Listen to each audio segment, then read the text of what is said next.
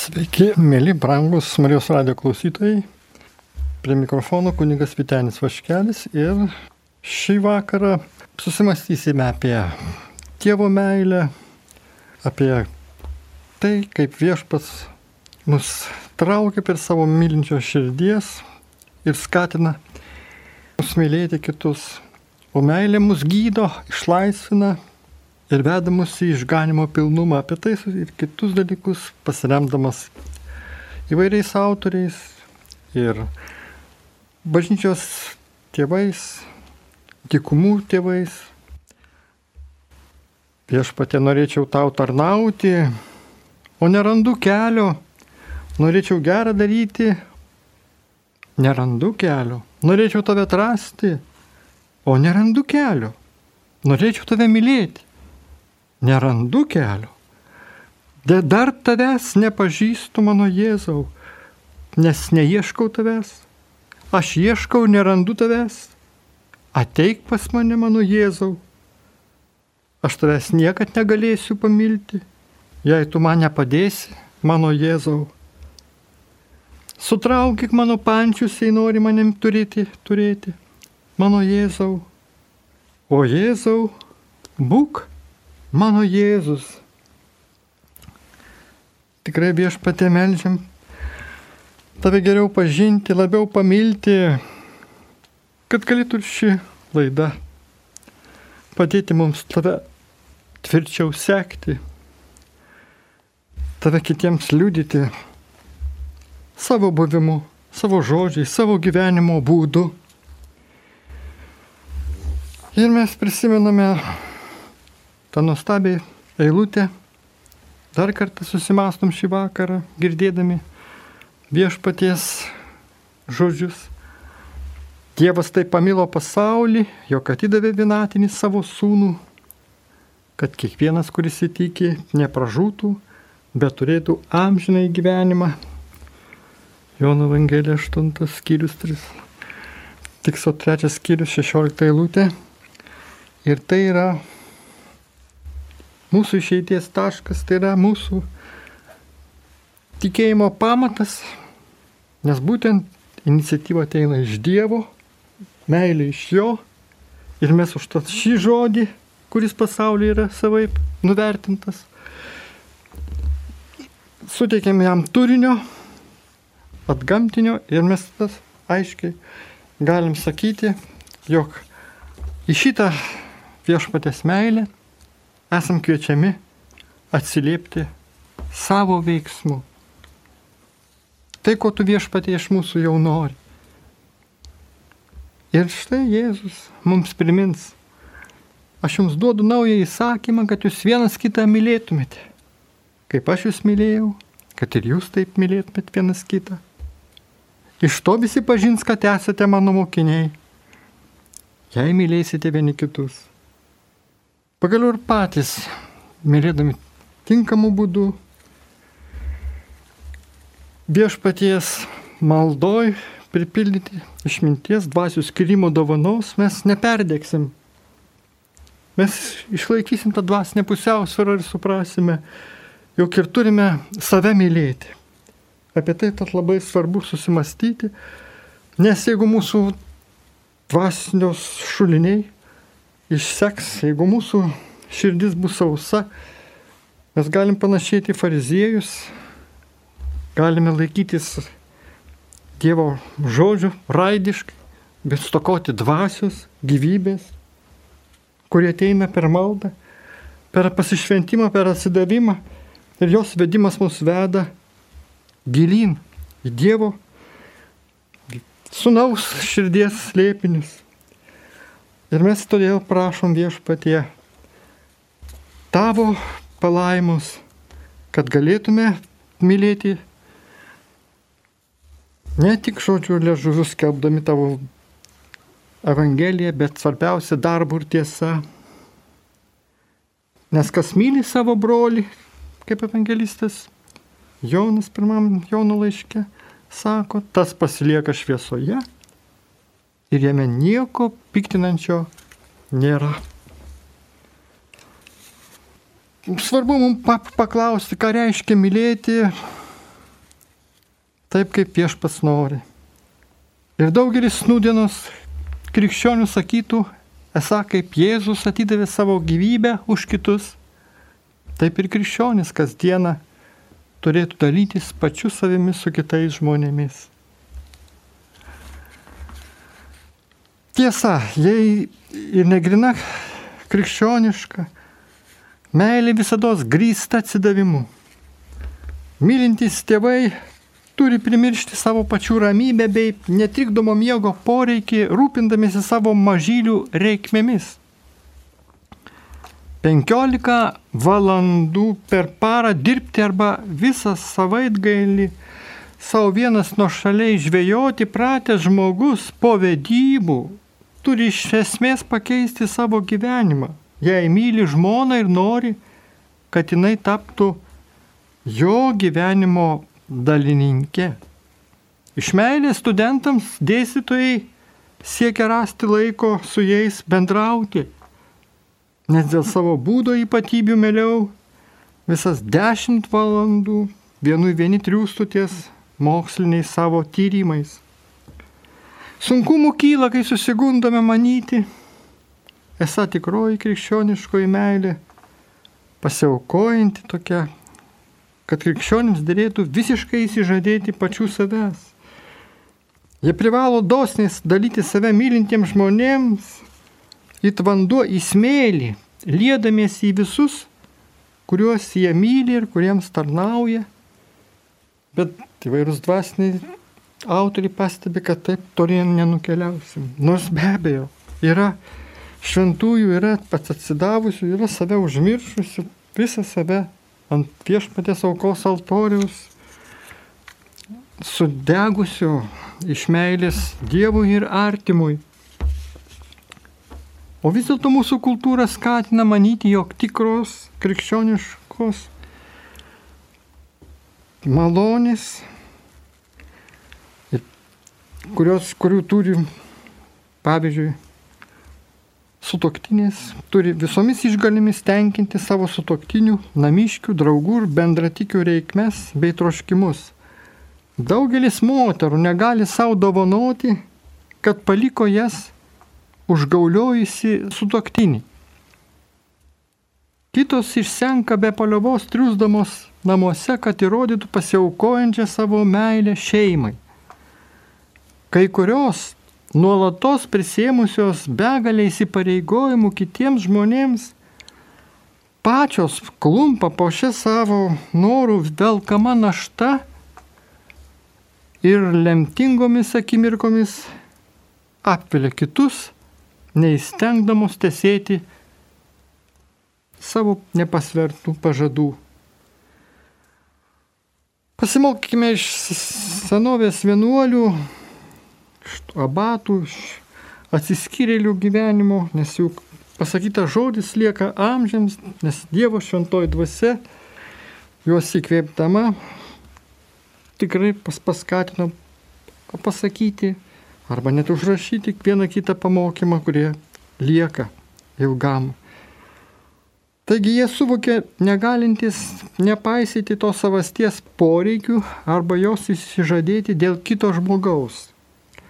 Vienuoliai patyrė, jog šią savastį išmetę, pardavę į vergyją ar jos nepaisydami, neįstengtų mylėti žmonių, kuriuos nuoširdžiai troško mylėti.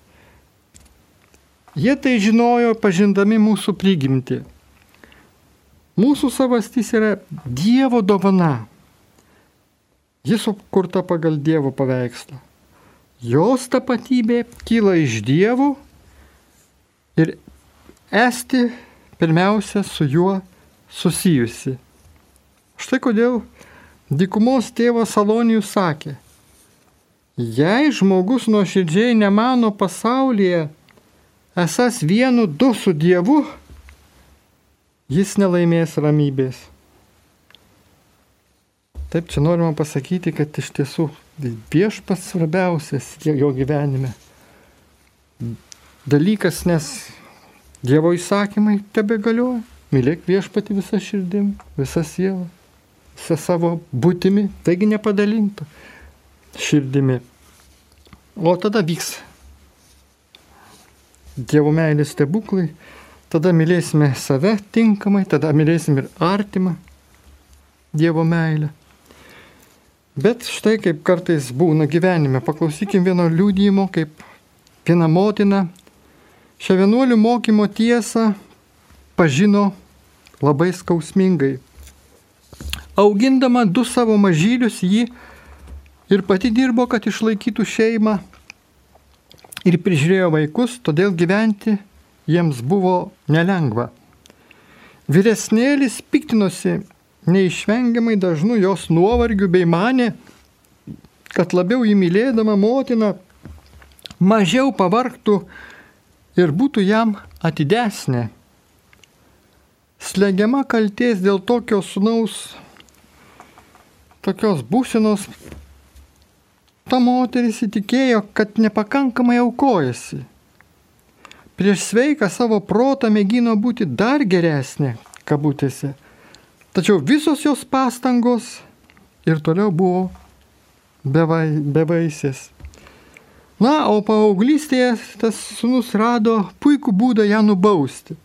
Jis įsigijo motociklą ir toji mama dviejus metus gyveno apimta siaubo, įniršio bei nuo seno pažįstamo kalties jausmo. Ji buvo tikra, jo kartą, jei išsikir nežus, jis neišgydomai susižalos. Plyštančiai iš skausmo širdimi jį bandė suvokti, ko savo sūnui nepadarė. Na ir taip pat mane svarstė, ką darė klaidingai per visus šiuos metus. Neįstengusi būti geresnė mama, jis sugniužo ir gėdijosi be vargo savo ažalas auginančių motinų. Maldavo sūnų atsisakyti motociklo, tačiau liko neišgirsta. Iki tol kasdieną tuščiai meldusi, kad Dievas jai pagelbėtų tapti geresnė motina, toji moteris visai neteko vilties. Bet staiga jis suvokė, kad jos krikščioniškosios meilės sampratai kažko stinga iš esmės. Nuo šios akimirkos jie rimtai grūmėsi su Dievu, pildydama savo pažinimo spragas. Savo tapatybę ir sieki būti gera motina, ji ilgainiui suvokė grindusi mintimi, jog visą save dera išdalyti vaikams. Sklidina sielvarto ir pykčio jį patyrė, kad motinystėje ieškodama savo tapatybės prarado ne tik save pačią, bet ir savo sūnų. Pagaliau jis suvokė, kad tikroji jos tapatybė išskirtinai yra Dieve, o ne jos pačios gerume. Iš meilės sūnui nedėra išsižadėti savęs pačios. Taip jį pradėjo Dievo maloniai veikiant svarstyti ir netgi padarė išvadą, jei sunus manytų, kad priešingai vis tik tiek aš ne, negaliu savęs pačios įsižadėti dėl sūnaus, dėl meilės sūnui. Taigi, toji moteris paleido sūnų iš savo emocijų glėbio, jo gyvybę ir sveikatą palikusi jo paties valioje. Nusimetusi slogę liūdėsio naštą, ji tapo ramesnė. Ir štai po trijų savaičių sunus neraginamas pardavė motociklą. Jaunuolis ėmė keliauti saugesnėmis priemonėmis, o ir kitais atžvilgiais jo polinkis save naikinti iš tiesų sušvelnėjo. Kad ir kaip būtų, su motina jis vis dėlto nesusitaikė. Žengęs į trečią dešimtį, jis vis dar negali atleisti, kada, kada jisai jį apleidusiai kabutėse motinai. Tik daugiau nežaidžia jos jausmais. Tai buvo toks laimėjimas. Kita vertus, daugeliu atžvilgių jis pagaliau prisėmė atsakomybę už savo paties gyvenimą. Ne vieną mėnesį maldoje mąstydama apie visus šiuos įvykius, jo motina galiausiai suvokė, jog siekis dėl sunaus įsižadėti pačios savęs, jai labai kliūdė išvelgti tikrasis jo reikmes. O jam reikėjo padrastinančių motinų žodžių, kad ir tokių. Sūnau, iš meilės tau aš draudžiu svarstyti mano kaip žmogaus vertę. Tai gali daryti tik Dievas. Jei im ir imtų manęs neapkesti, iš meilės raginu prisimti atsakomybę už savo paties gyvenimą. Ankstyvųjų vienuolių žodžiais siekis gyventi įsižadėjus savasties, tos tikrosios tapatybės, yra klaida. Šiuo siekiu iškreipdami savo esmę daugeliopai žalojame save bei kitus žmonės. Tokios žaizdos mums užkerta kelią į meilę, kliudydamos blaiviai žvelgti vienam į kitą, į pasaulį, į Dievą bei atitinkamai elgtis. Tad nuo kogi pradėti Dieve glūdinčio savo tapatybės paieškas, kad galėtume tinkamai mylėti save Dieve ir artimą taip kaip pačius save. Vienas brolis tėvą Antaną prašė, pasimelskit už mane. Senolis atsakė, nepatirsi nei mano, nei paties Dievo gailestingumo, jei pats nesistengsi ir nesimelsi Dievui. Dievas žmonėms neprimeta tiesos apie tikrąją jų tapatybę. Tiesiog turim patys stengtis jos ieškoti ir jos prašyti. Taigi šias Dieve glūdinčios savo tapatybės paieškas pradeda malda už save. Tai kelias į išlaisvinančią meilę, į gydančią meilę, mūsų vidinės žaizdas naikinančią meilę savasties tvirtybės tokojantiems žmonėms melsis už save dažnai būna nelengva. Ypač tiems, kurie jau kaip jau kartais visai net ir nenori, nemanant, turi teisę skirti laiko maldai. Kiti melzdamėsi už save jaučiasi esą savanaudžiai, užmirštantis šalia bei pasaulio platybėse esančių žmonių poreikius Iš ties kartais sunku keblų melsis už save ne tik naujokam, net ir didelę kasdienės maldos patirtį turintiems žmonėms kartais sunku. Matyt, ne šiaip savo tėvas Agatonas ir jo mokiniai kalbėjosi taip, žo, tokiais žodžiais. Broliai jo klausė, visokiojopai stengiantis daryti gerą, kuriai darybė reikia daugiausia pastangų? Ir Agatonas atsakė, atleiskit, bet mano galva nėra sunkesnio darbo už maldą Dievui. Mat kiekvieną sykį, kai žmogus ketina melstis, jo priešai demonai mėgina jam sukliudyti. Jie žino, jog tik tai atitraukia nuo maldos jį sugaišins kelyje. Nesvarbu, ką gerą darytų, jei žmogus ištvermingai nenuleidžia rankų, jis įgys ramybę. Tačiau malda esti kova iki paskutinio atodusio. Galiu nuo savęs pridėti, kad tai kova, nematoma kova už meilę viešpatie, nes tik tada į mūsų kova pasireiškia nukryžiuotojo meilė, kuris atsižadėjo dėl mūsų, kuris mums sakė, Kristus, mums, kad kas nori sekti mane, te atsižada pats savęs, te paima savo kryžių ir tęsia, ką manimi. O mokytojai vienuoliai, be abejo, ir kiti dvasinio gyvenimo atstovai šventieji laikosi tvirtai, nors ir sunku, bet ir mes esam kviečiami melsis už save, o malda už save yra daugelypė.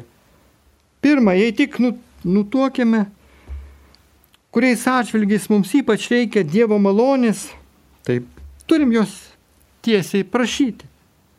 Dievui kalbant apie save, nebūtina daugia žodžiauti. Atsiminkime, ką paklaustas, kaip turime melsis, atsakė tėvas Makarijus. Neverta ilgai svarstyti. Pakanka ištiesti rankas ir tarti.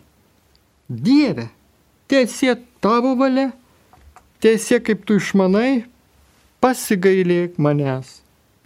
O kovą įsiliepsnojus toliau moko šis tėvas. Sakykite, Dieve padėk.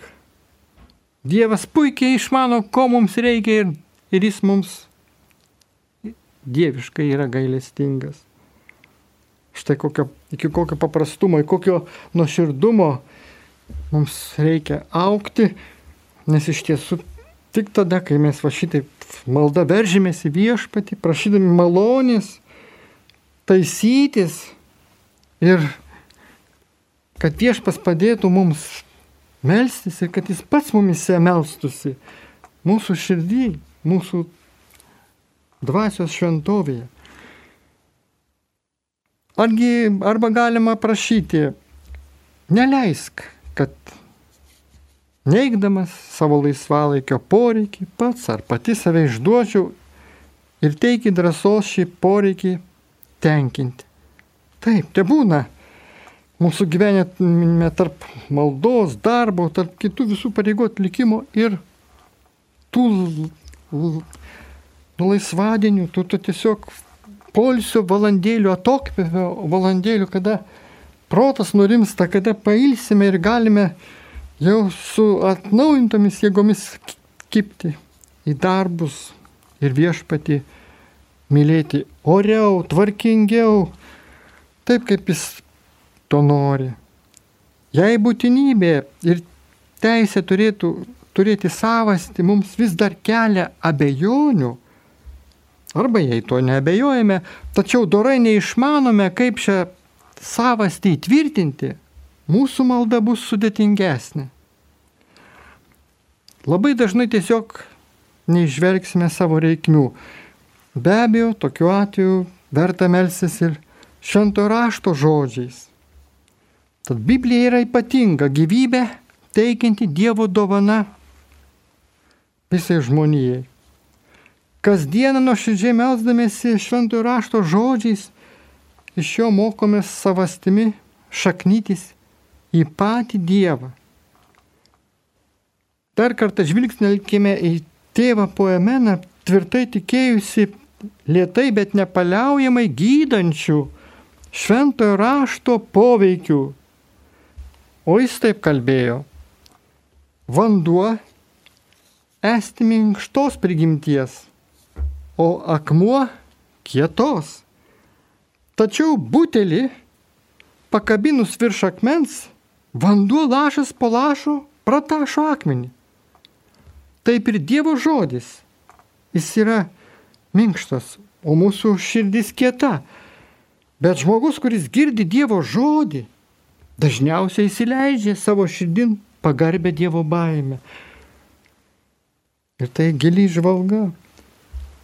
Mes žinom, kad ne tik toji pagarbioji baimė gyvenime žmog, krikščionio pasilieka, bet ji perauga ir į meilę. Baimė, meilė dėja šalin. Jau augant, tobulėjant, kaip Dievo žodis mums byloja. Ir mes tada matome, kad išlikdami viešpatės malonėje, taip, toj pagarbioji baimė mus lydės, bet iš meilės viešpačių mes daugiau darbuosimės. Ne dėl to, kad jis mums sakęs yra, nedaryk to ir panašiai. Mylėdami mes vaš, esam mel... jo malonės užvaldomi ir tuomet iš tiesų suprantame, kad dvasinių autorių, pačios tėvų ir šventųjų pamokymai yra mums skirti visų laikų žmonėms. Taigi, šventojo rašto žodžiai mus veda į gyvenimą, į apšiai su Kristumi pripildytą malonių gyvenimą.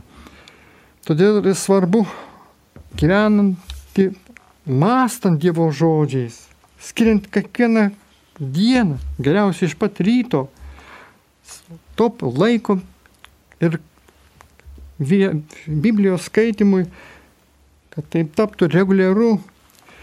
Ir galėtume paskui skaitydami su malda klausti, o ką šie eilutė man sako apie Dieve glūdinčią mano tapatybę. Ir Biblijoje esti begalė raginančių saugoti ištvermę metaforų, pavyzdžių. Antai Senajam testamente Jokūbas visą naktį grūmėsi su angelu, kad laimėtų Dievo palaiminimą ir dėl jo ištvermingumo Dievas jį palaimino. Evangelijoje pagal Luką sakome, jog ragindamas savo klausytojus visuomet melsis ir nepaliauti, Jėzus pasakojo istoriją apie našlę, vis ein, einančią pas teisėją, kuris nebijojo Dievo ir nesidrovėjo žmonių. Ir tol prašysi apginti nuo skriaudiko, kol teisėjas pagaliau apgynė jos teisės. Na ir Evangelijose matome, kaip Jėzus nuo įvairių negalių gydo žmonės, nuoširdžiai trokštančius, nepaliaujamai siekiančius išgyti. Taigi rimtoj kovoj su Dievu bei šventųjų raštų ištvermingai siekdami Dieve įtvirtinti savo tapatybę, atminkime viešpati žadėjus, jog anksčiau ir vėliau vis vieną ją įtvirtinsime. Taip patirsime, ar tėvą Arsenijų teisingai sakius, kad jei ieškome Dievo, tai jis mums apsireikš. Ir jei laikomės Dievo, tai Dievas bus su mumis. Kaip šventajame rašte mokoma ieškoti Dievės lypinčios mūsų savasties. Pasakojame apie sukūrimą Biblijos pradžioje estinę, estinę tam, kad supažintų su seniausiais žmonijos istorijos įvykiais. Tie liūdimai skirti šventraščio, taigi šventojo rašto klausytojams perduoti žinę, jog kiekvienas esate savitai brangus Dievo. Jūs Dievo paveikslas. Dievo jūs, Dievas jūs sukūrė, kad jam priklausytumėte. Dievas jūs myli bei kviečia būti jo draugu, a draugė, todėl reikia jum, jam jūsų savasties, kad savo ruoštų galėtume rinktis Dievų jo maloniai veikiant. Dievo žvilgsniu būti žmogumi yra gerai ir jums nedėra įsižadėti to, ką Dievas davė pirmiausia tam, kad galėtume būti jam patinkantis žmogus. Taigi iš didžiulės meilės jūsų vardą Dievas įrėžė savo delne, kaip sako vienas teologas. Liek širdis jų, kad ieškotų tavęs, vienintelio Dievo jų sielas, jų gyvenimus pašventinančio viešpaties malonės, gausos. Mes šito linkim visiems, visiems tiem, kuriems mūsų va štai mintis, mūsų širdis yra nukreiptos. Atsivertimo vienas žodis viską pasako. Dėkojam Dievui, išklausai, išgirsti mus. Šlovinam tavo vardą, pasitikim tavimi ir piktoji dvasia užtemdanti žmonių protus širdis sukėtinanti, te pasitraukia iš tų žmonių, kurie yra užkėtėję nuodėmėje, nenori priimti tavęs Jėzau. Tu gali, tu, tu, mes tai prisiminsim savo maldose ne kartą, tuos, kuriems reikia sugrįžti pas tave, kad nepražūtų amžinai. Mes dar galime pratesti apmąstymus su Dievo žodžiu, būdami draugės su pačiu Jėzumi sakyti, kad tikrai esame jo atvaizdas ir paveikslas ir todėl viešpas rūpinasi mūsų gyvenimu, mylimus tokius, kokie mes esame, mums tik reikia pasitikėti viešpačiu, o pasitikėjimas ateina per suvokimą, kad didingasis viešpats davęs mums krikščionišką pašaukimą, paliko nenykstantį krikščioniško džiaugsmo ir laimės receptą. O štai ką jis paprasčiausiai mums bylojo. Vis dėlto dar priminsiu visus žodžius Šmato Evangelijos 22 skyriaus 37 eilutė 9. Mylėk viešpati savo Dievą visą širdim, visą sielą, visų protų, mylėk savo artimą kaip save patį. Paprasti žodžiai, bet gelmė jų neišsemiamo. Žodžiai, kurie tiksliai apibrėžia meilę. Ir šis apibrėžimas nekalba apie sentimentales meilės dainas. Jis parodo jo tos meilės stiprybę ir atgamtinį grožį. Meilė neprašo atlygio būti mylima, ji tarnauja žinodama, kad atspindi meilės šaltinį patį Jėzų, kuris atėjo tarnauti, o ne kad jam būtų tarnauja. Tikroji laimė randama pamiršų žodį aš ir prisimenant žodžius jis, ji ir jie.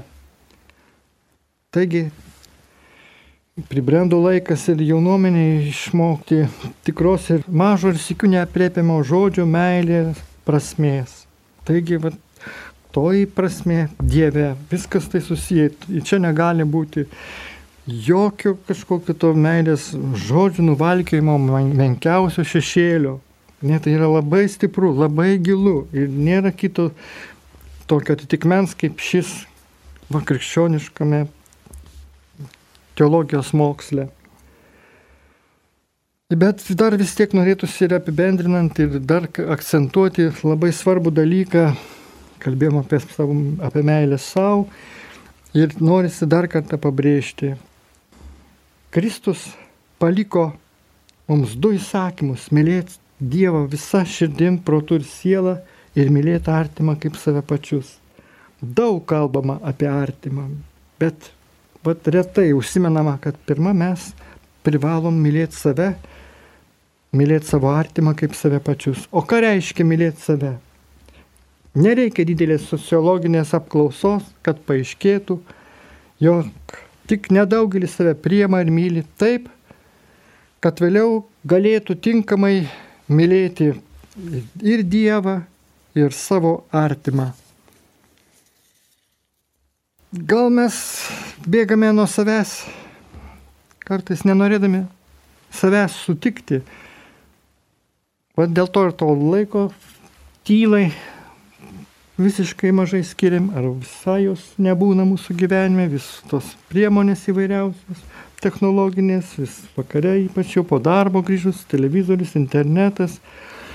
Na, žinoma, kartais net nuo šeimos atitraukia nuo tos, to dėmesingumo vaikams, tėvus, ypač jaunus. Bet mes nepabėgsime nuo tavęs viešpatė švenčiausioji trejybė, esanti mumise ir laukianti, kad išmokytų mūsų išmokytų mylėti save pačius taip, kad mūsų širdis iš tiesų Dievo pavyzdžių atsivertų Dievui ir žmogui. Todėl nebijosime pabūti vieni su savimi. Pamiršime, kad žmogus tikrai Vienas nėra, negalim to pamiršti, kad jisai būna vienas. Visada viešpats bus, kad ir net ar, ar artimo žmogaus netekus, be abejo, kraujo giminystės ryšį nutrukus atrodo, kad jau vienišumas mane apima. Taip, labai skaudus atvejis, kai ypač su artimu visko buvo dalintasi, bet viešpas atimdamas duoda daugiau, negu mes galime tikėti ir suvokti. Mes tikrai tuomet turime to brangaus laiko savo širdis į viešpatį dažniau kelti, su juo bendrauti, jam save paukoti, pas, pasivesti ir žiūrėk, viešpas trauks. Mus vėl prie savęs kitą kartą, vėl tylos valandėlė, jį gali į valandą išaukti, jį gali va štai tai tas augimas, ta malonė, mumise tik stiprėti ir mes tada suvoksime, jog tik tada gali mylėti tinkamai Dievą, kai mylėsim save ir savo artimą. Ir todėl galim prisiminti dar ypatingą 1 korintiečiams laiško 13 skyriaus ištrauką apie tą meilę ir apibendrinti visą mūsų šio, šio vakaro susitikimą šiais apaštalo Pauliaus žodžiais, kurie be abejo šventos dvasios įkvėpime parašyti. Jei kalbėčiau žmonių ir angelų kalbomis, bet neturėčiau meilės, aš te būčiau žvangantis varis ir skambantis simbolai. Ir jei turėčiau pranašystės dovaną ir pažinčiau visas paslaptis ir visą mokslą, jei turėčiau visą tikėjimą, kad galėčiau net kalnus kilnoti, tačiau neturėčiau meilės, aš būčiau niekas. Ir jei išdalyčiau vargšams visą, ką turiu, Jei atiduočiau savo kūną sudeginti, bet neturėčiau meilės, nieko nelaimėčiau. Meilė kantri, meilė maloninga, ji nepavydi, meilė nesididžiuoja ir neišpuiksta, ji nesielgia netinkamai, neieško savo naudos, nepasiduoda piktumui, pamiršta, kas buvo bloga, nesidžiaugia neteisybę, su džiaugsmu pritarė tiesai. Ji visą pakelia, visą tiki, visko vilėsi ir visą ištveria. Taigi meilė niekada nesibaigia. Dabar pasilieka tikėjimas, viltis ir meilė šis trejetas, bet didžiausiame yra meilė. Tai ar galime dar ką nors daugiau pridėti? Pamirškime, kas buvo bloga, pradėkime priimti daugybę dalykų, kuriuos teks priimti nuolat besikeičiančioje, sakytume, postmodernistinėje šitoje civilizacijoje, kurioje gyvename. Tiek daug visokių iššūkių, kai net ir popiežius Pranciškus prašo mums visus krikščionis melsis už taiką pasaulį šiuo metu. Taip, ši intencija viena svarbiausių. Ir todėl va štai meilė netyli, jie atsiliepia teiksmu. Ir mes tada ir maldą, įtraukdami ir kitas intencijas, už tai, ką mes prašom, kad Dieve, su tavo pagalba viską ištversime, nes meilė neturi pabaigos. Tada ir tik tada mes galėsime save vadinti tikrais krikščionimis ir švesti Eucharistinį Velykų slėpinį, kuris yra mūsų tikėjimo esmė ir didžiausias meilės vaisius. Tai laimina gerasis viešpas, mielus brangius Marijos radio klausytojus šį vakarą, kad galėdami dar eiti ilsėtis, prisimintume viešpatį maldoje, švenčiausią mergelę Mariją. Ir mes tikrai nesam vieni, jeigu gyvename kaip bet kitų narių šeimos, vien, tam tikroje vienumoje. O visus kitus šeiminiškius, visus, visas šeimas, te Dievas gausiai laimina mūsų krašte, te saugo mus, te globoja. Ir svarbiausia, kad mes būtume verti savo gyvenimo besikeičiančių būdų, artėjimų prie Dievo meilę, degančių širdies, būtume verti visų viešpatie tavo pažadų įsipildymo. Sudiev prie mikrofono buvo kuningas Vitenis Vaškelis.